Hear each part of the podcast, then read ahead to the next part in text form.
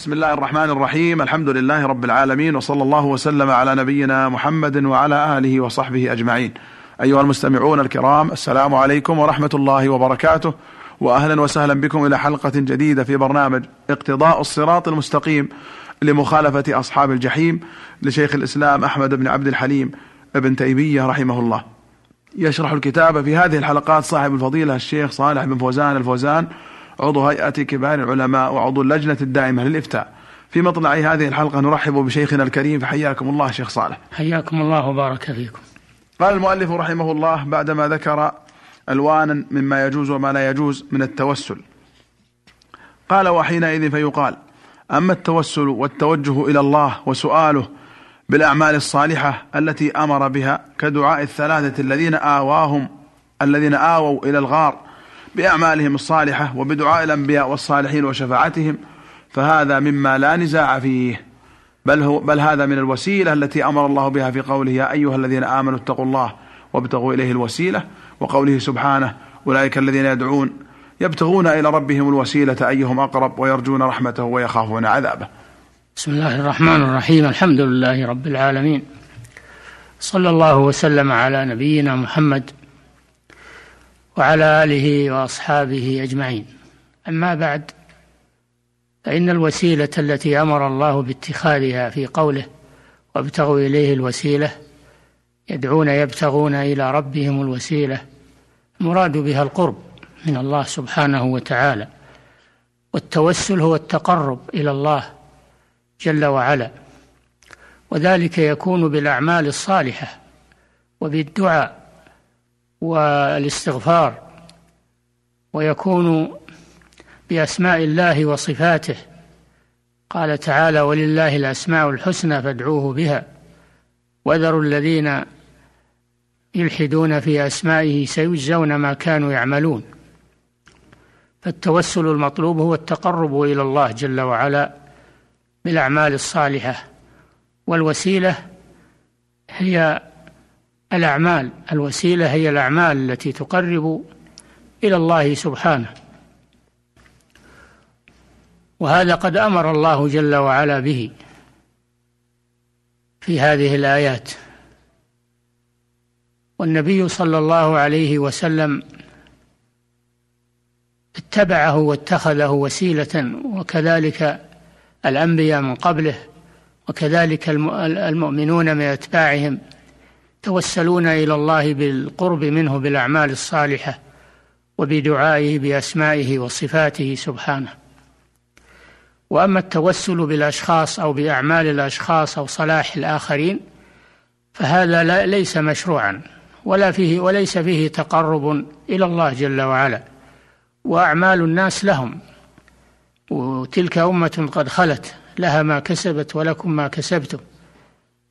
ولا تسألون عما كانوا يعملون فلا ينفعك صلاح غيرك ولا عبادة غيرك وإنما ينفعك ما أمر الله جل وعلا به من عبادته ودعائه والتضرع إليه. فعلى من يريد آه، الوسيلة أن يتقرب إلى الله سبحانه وتعالى فليست الوسيلة اتخاذ الأشخاص وسائط. بين الإنسان وبين الداعي وبين ربه لأن هذا شيء لم يأمر الله به ولم يشرعه لعباده وإنما شرعه المبتدعة وهو لا ينفعهم شيئا عند الله سبحانه وتعالى. ومما يدل على أن من أنواع التوسل التوسل إلى الله بالأعمال الصالحة التي عملها الإنسان وليست الأعمال التي عملها غيره. حديث الثلاثة الذين انطبقت عليهم الصخرة في غار دخلوا فيه ليبيتوا فيه فانطبقت عليهم وسدت عليهم باب الغار ولم يستطيعوا الخروج.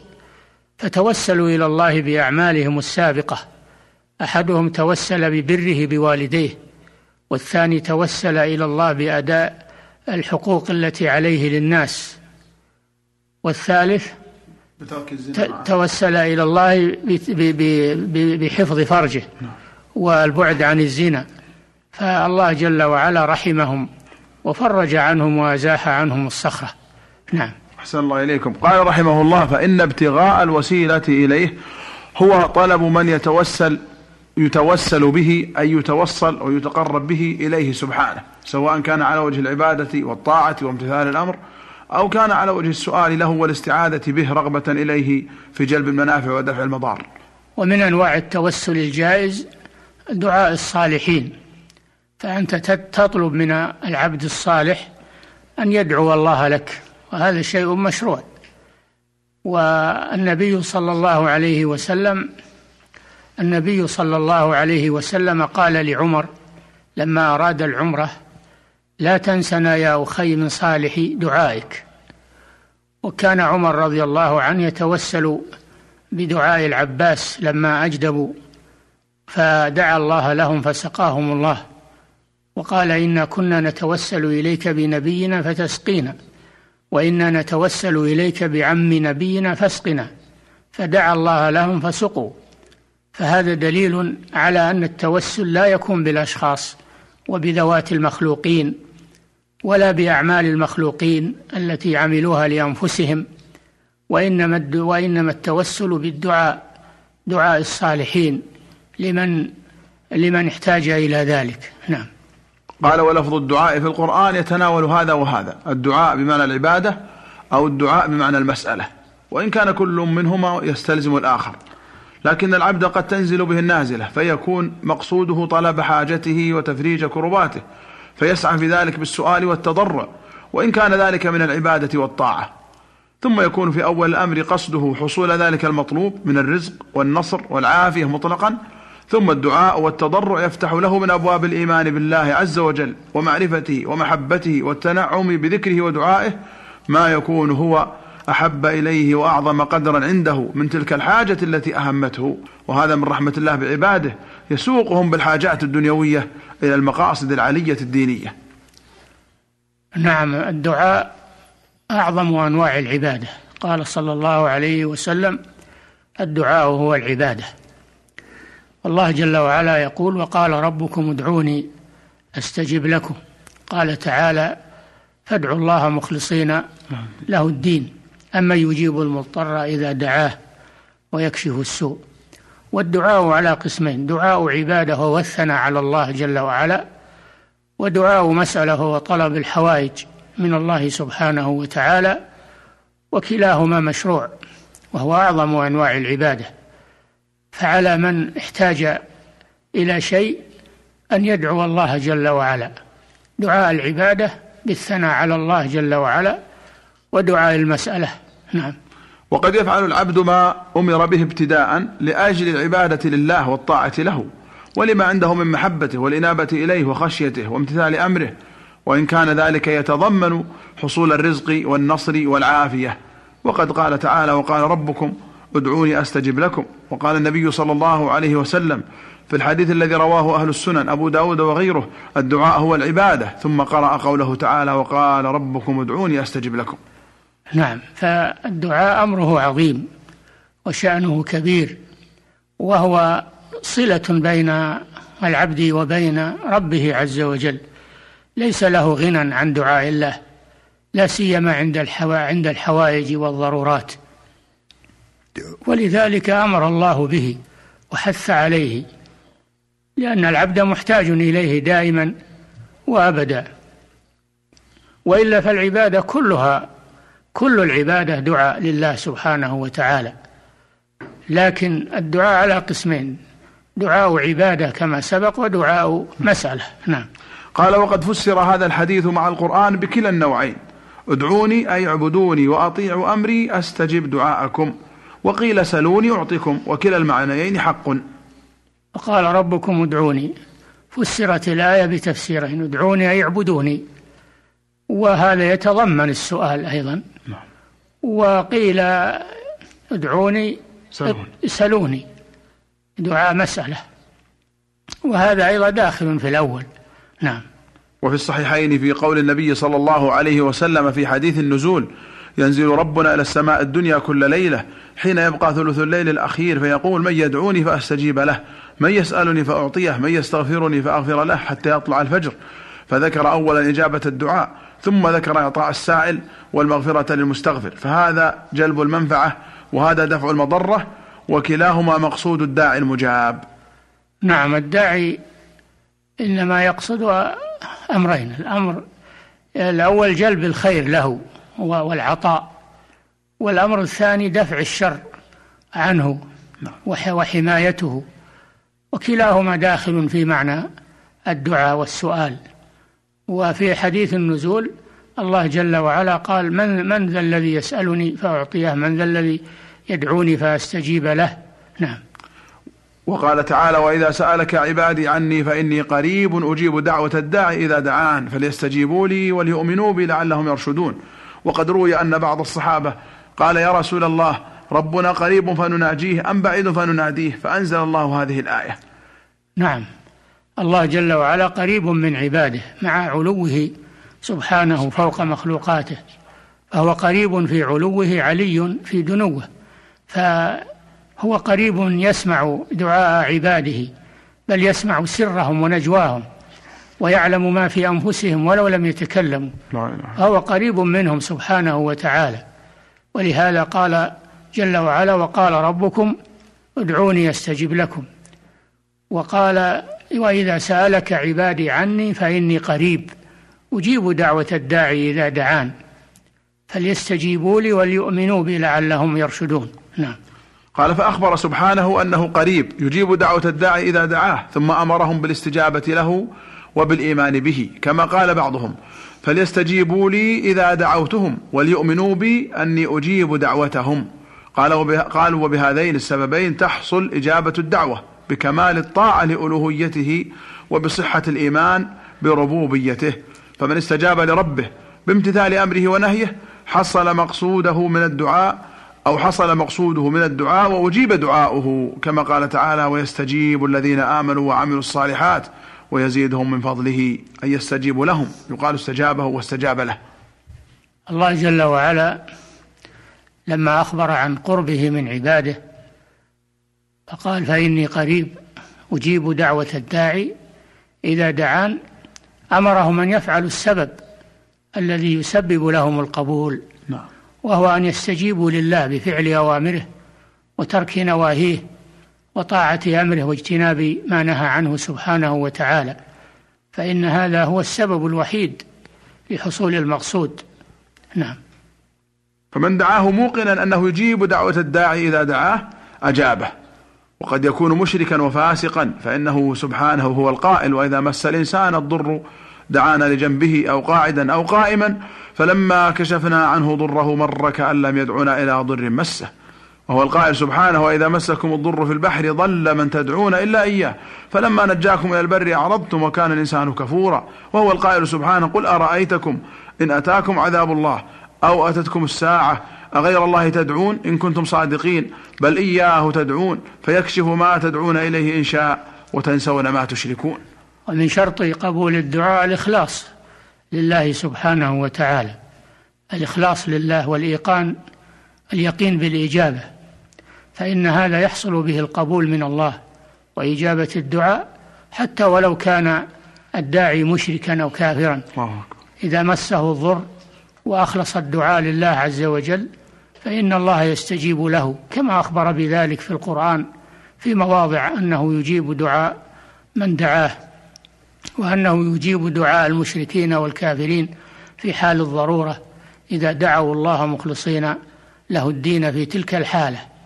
نعم. ولكن هؤلاء الذين يستجاب لهم لإقرارهم بربوبيته وأنه يجيب دعاء المضطر إذا لم يكونوا مخلصين له الدين في عبادته ولا مطيعين له ولرسوله كان ما يعطيهم بدعائهم متاعا في الحياة الدنيا وما لهم في الآخرة من خلاق. فالكافر يستجيب الله دعاءه إذا دعاه مخلصا في دعائه وفي حال الضرورة وهذا إنما هو شيء مؤقت في دنياه فقط. وليس له في الآخرة نصيب.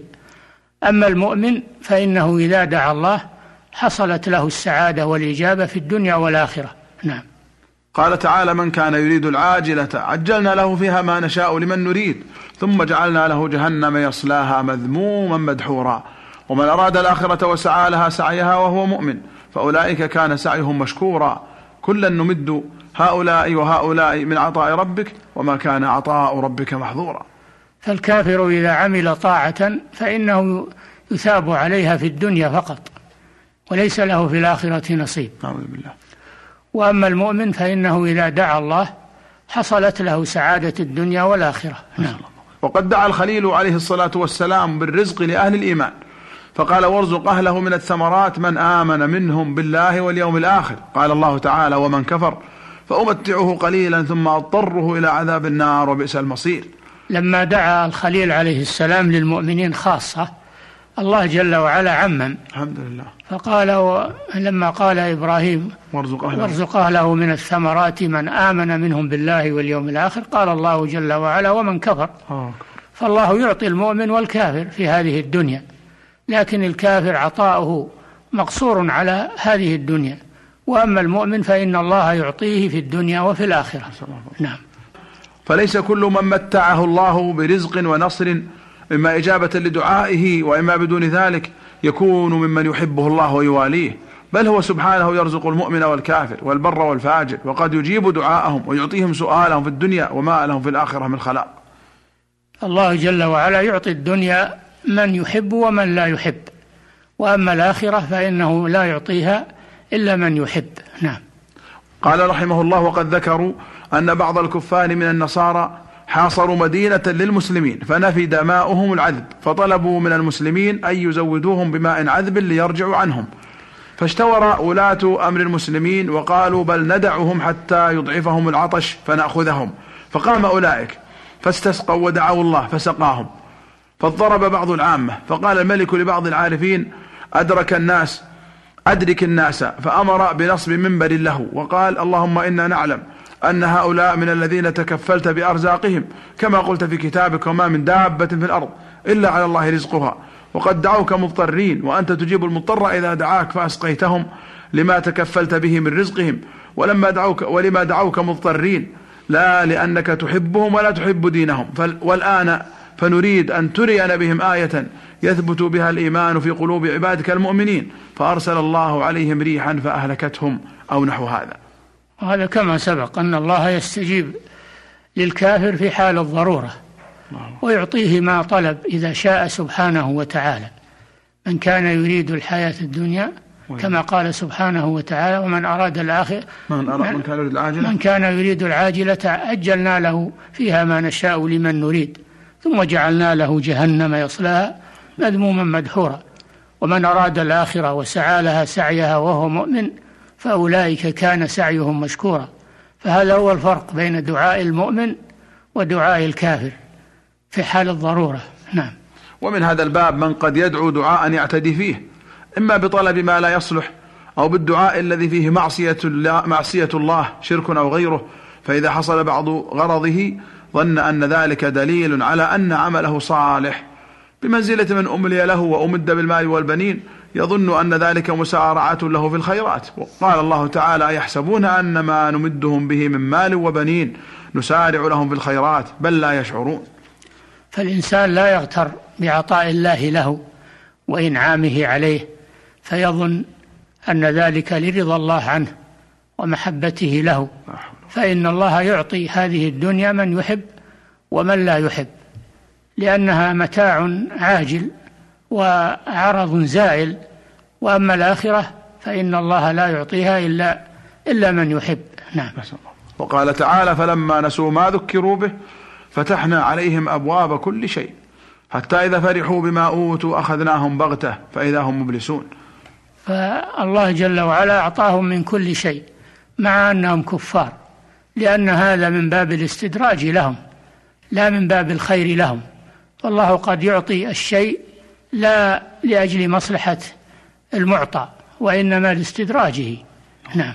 وقال تعالى ولا يحسبن الذين كفروا أنما نملي لهم خير لأنفسهم إنما نملي لهم ليزدادوا إثما ولهم عذاب مهين. نعم. والإملاء إطالة العمر وما في ضمنه من رزق ونصر. فالله يعمر الكافر ويصح جسمه ويعطيه من المال من أجل أن يتمادى في طغيانه وكفره وشره.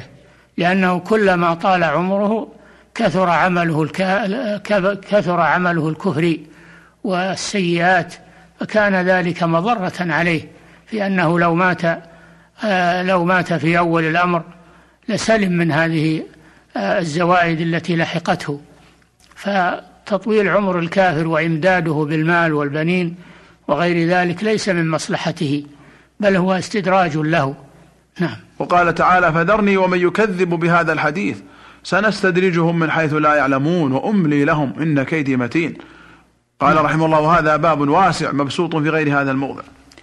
هذا باب واضح وأدلته كثيرة في أن الله يعطي المؤمن والكافر في هذه الدنيا. نعم. بل قد يعطي الكافر عطاء كثيرا ويوسع له ويصح جسمه. ولكن هذا ليس من مصلحته. وأما المؤمن فإن الله قد يبتليه ويمرضه ويفقره وليس هذا من آه، كون الله يبغضه وإنما لأن الله يريد أن يخفف عنه وأن يطهره وأن يمحصه. نعم. قال تعالى ادعوا ربكم تضرعا وخفية إنه لا يحب المعتدين. والمقصود هنا أن دعاء الله قد يكون دعاء عبادة لله فيثاب العبد عليه في الآخرة مع ما يحصل له في الدنيا وقد يكون دعاء مسألة تقضى به حاجته ثم قد يثاب عليه إذا كان مما يحبه الله وقد لا يحصل له إلا تلك الحاجة. نعم فهذا هو هذا فرق بين دعاء العبادة ودعاء المسألة. فدعاء العبادة لا يكون إلا من المؤمنين. دعاء العبادة لا يكون إلا من المؤمنين. وأما دعاء المسألة قد يكون من المؤمن ويكون أيضا من الكافر, من الكافر وهو متاع عاجل. نعم. وقد يكون سببا لضرر دينه فيعاقب على ما ضيعه من حقوق الله سبحانه وتعداه من حدوده. فالوسيلة التي أمر الله بابتغائها إليه تعم الوسيلة في عبادته وفي مسألته. نعم. فالتوسل إليه بالأعمال الصالحة التي أمر بها وبدعاء الأنبياء والصالحين وشفاعتهم ليس هو من باب الإقسام عليه بمخلوقاته. نعم هذا كما سبق أن التوسل على قسمين توسل مشروع وهو التوسل إلى الله بأسمائه وصفاته وكذلك التوسل إلى الله بالأعمال الصالحة وكذلك التوسل إلى الله بدعاء الصالحين له وسؤال الصالحين له. والممنوع هو التوسل بذوات المخلوقين أو بأعمال الآخرين التي لم يعملها السائل وليس له بها صلة أو بصلاح غيره. نعم. أحسن الله إليكم. قال ومن هذا الباب استشفاع الناس بالنبي صلى الله عليه وسلم يوم القيامة فإنهم يطلبون, من يطلبون منه أن يشفع لهم إلى الله كما كانوا في الدنيا يطلبون منه أن يدعو لهم في الاستسقاء وغيره. وقول عمر رضي الله عنه إنا كنا إذا أجدبنا توسلنا إليك بنبينا فتسقينا وإنا نتوسل إليك بعم نبينا. معناه نتوسل إليك بدعائه وشفاعته وسؤاله ونحن نتوسل إليك بدعاء عمه وسؤاله وشفاعته. ليس المراد به أن نقسم عليك به أو ما يجري هذا المجرى مما يفعله بعد موته وفي مغيبه. كما يقول بعض الناس أسألك بجاه فلان عندك. ويقولون إنا نتوسل إلى الله بأنبيائه وأوليائه ويرون حديثا موضوعا إذا سألتم الله فاسألوه بجاهه فإن جاهي عند الله عريض. من أنواع التوسل في دعاء الصالحين توسل أهل الموقف بالنبي صلى الله عليه وسلم يوم القيامة في أن يدعو الله لهم في فصل القضاء بينهم وإراحتهم من الموقف. فهذا من من التوسل بطلب دعاء الصالحين. فهم يطلبون من النبي صلى الله عليه وسلم حين ذاك أن يدعو الله لهم. فهو توسل بدعاء الصالحين. كما أنهم في الدنيا توسلون إلى الله بدعاء الصالحين من الأنبياء وغيرهم. خصوصا عند الحاجة. نعم. أحسن الله إليكم. قال المؤلف رحمه الله فإنه لو كان هذا هو التوسل الذي كان الصحابة يفعلونه كما ذكر عمر رضي الله عنه لفعلوا ذلك بعد موته ولم يعدلوا عنه إلى العباس مع علمهم بأن السؤال به والإقسام به أعظم من العباس.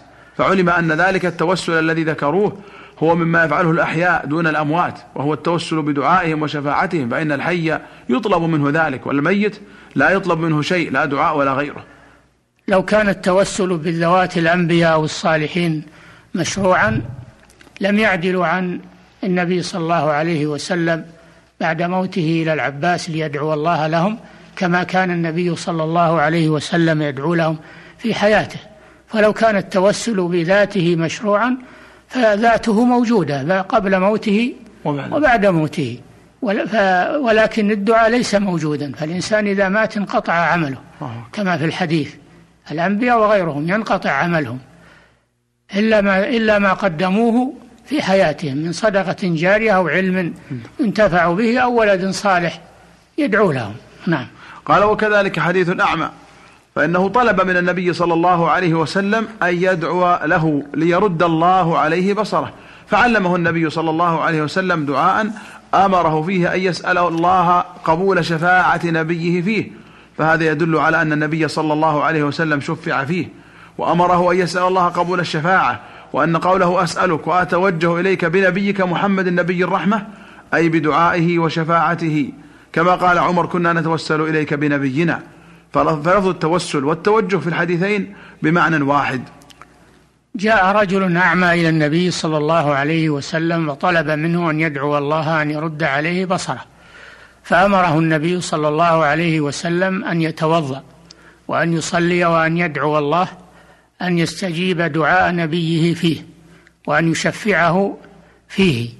فالنبي صلى الله عليه وسلم أمره أن يدعو الله هو لنفسه ودعا له النبي صلى الله عليه وسلم فاجتمع له الأمران.